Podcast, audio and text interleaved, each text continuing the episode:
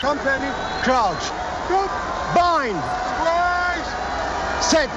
Oh,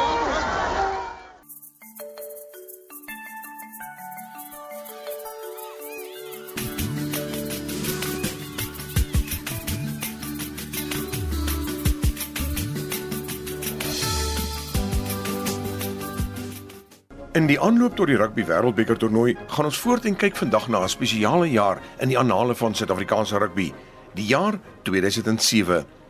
Nie net het die Bulls Suid-Afrika se eerste Super Rugby trofee gewen nie, dit was in die eindstryd teen die Sharks, maar die Springbokke skuif ook op na die nommer 1 posisie op die wêreldranglys. Dit maak reeds van 2007 'n sterjaar, maar nog beter, die Springbokke het die wêreldbeker vir die tweede keer gewen. 11 meter binne in die halfgebied agterop getel deur Skalk Burger. Hy dryf hier langs die kant van die uh, skram af in is op die 10de stippellyn van die uh, Springbokke. En dan het hy nog nie uitgekom is Johan Smit tel daar op. Uh, Engelse wat so half bietjie daai ontkant posisie uitkom. En dan sit uh, Friede Pre wat die bal sommer net hier oor die kantlyn skop. En die eindfluitjie blaas. Suid-Afrika is die wêreldkampioene. Soos wat dit was in 1995 is dit 'n jubelende Springbok span wat mekaar omhels. Manne duik daar op mekaar. Die Springbok reserves die draf op die veld. Suid-Afrika wen. Onder Jake White as afrigter en kaptein John Smith het die Springbokke na Frankryk vertrek en teruggekeer na Suid-Afrika met die goue Webb Ellis trofee wat by talle onthale en heldontvangste uitgestal is tydens 'n heerlike oorwinningstoer. Dit was vanselfsprekend dat wanneer individuele sterre uitgesonder was by die toernooi, was hulle Springbokke. Die gasheerland Frankryk het 'n skoknederlaag teen Argentinië in die openingswedstryd gelei. En selfs al het hulle teruggeveg om die laaste 4 te bereik, was hulle nie regtig gekrag nie. Die All en die Wallabies, Suid-Afrika se groot suidelike halfrond teenstanders, het nie eers die eindstryd in Parys gehaal nie. Die finaal was tussen Suid-Afrika en Engeland. Suid-Afrika het met 'n uitstekende span gesit en daar was verskeie sterre. Die Argentynse Pumas het verder as ooit gevorder, maar wanneer dit regtig saak gemaak het, het hulle topspelers, die broers Philippe en Manuel Contempomi en Juan Martin Hernandez gesukkel. Engeland het weer vir King Johnny Wilkinson gehad, maar die res rondom hom was nie op standaard nie. Daar is baie spelers waaruit 'n speler vir die toernooi gekies kon word. Kom ons neem 'n blik op die kandidaate. Butch James, die man wat 'n reputasie vir twyfelagtige taktik gehad het, was die gedissiplineerde loskakel wat sy afrigter wou gehad het hy moes wees. Frans Steyn, die baba van die span wat moes instap in die nommer 12 trui toe Jean de Villiers beseer is en opgeëindig het as die jongste wenner van 'n wêreldbeker medalje. Steyn het ook met 'n deurslaggewende lang afstandskop in die eindstryd geslaag en hy was net 20 jaar en 159 dae oud op die finaal op 20 Oktober 2007. Jonah Lomo was jonger, 20 jaar en 43 dae, toe hy in 1995 in die eindstryd op hulle spark gespeel het, maar natuurlik het die All Blacks nie gewen nie. Percy Montgomery, Suid-Afrika se rekordhouer van die aantal wedstryde as heelagter, het opgeëindig as die voorste puntemaker by die Wêreldbeker, naamlik 105. Philippe Contampomi het op 91 geëindig.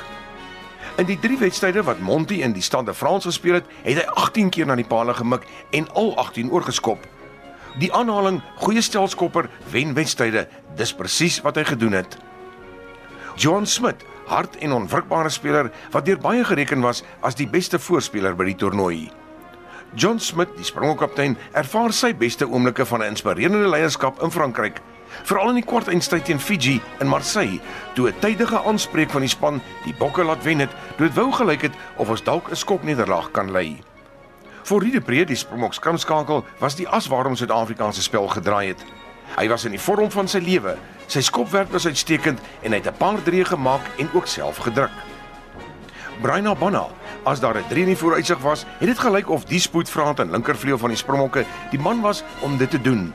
Hy het uiteindelik met 8-3 geëindig wat gelyk is aan Jonah Lomo se 1999 rekord. Ons die rand Nadat hy byna wonderbaarlik herstel het van 'n kniebesering wat 'n paar seisoene vroeër gelyk het of dit sy loopbaan gaan beëindig, het hy teruggeveg vir daardie bokse nommer 1 trui om in sy derde wêreldbeker toernooi te speel. Hy was altyd bereid om die span op sy breë skouers te dra en het geëindig as een van net 6 spelers wat in staat was om twee medaljes by 'n wêreldbeker te wen. Die ander is die Australiërs John Eales, Tim Horan, Jason Little, Dan Crowley en Phil Kuns.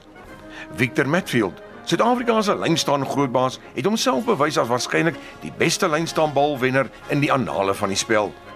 Hy het topvorm tydens die toernooi bereik en geen slegte wedstryd gespeel nie. Hy het soos die Eiffeltoring in die eindstryd uitgetroon. Engeland het geen antwoorde op Matfield se oorheersing in die lynstaande gehad nie. Hy is aangewys as die speler van die wedstryd. Met so baie waardige kandidaate was dit moeilik om te besluit op 'n speler van die toernooi vir 2007. Maar op sy groot prestasie in die eindstryd en die verskaffing van die balbesit wat uiteindelik gelei het tot 'n oorwinning, gaan die stem net net aan Victor Matfield. Seiler is hastig en as kopper die bal na die binnekant toe as drie springbokke om plat duik in die hande van Brent Russell. Hier kom hy met 'n teenaanval. Hy's op die 10 meter stippellyn. Hy laat op die bal hier na Adewet Berry. Berry na uh, Joos van der Westhuizen terug na Brent Russell. Russell die hardloop en dan gooi hy die bal tot in die hande van Stefan Terblanche. Hy laat op die bal na Victor Matfield en Matfield druk hom. Skitterende 3 Brent Russell by die Jan Clarke werk van hom. En Victor Matfield, waar het hy vandaan gekom? 'n Skitterende 3 deur die Springbokke.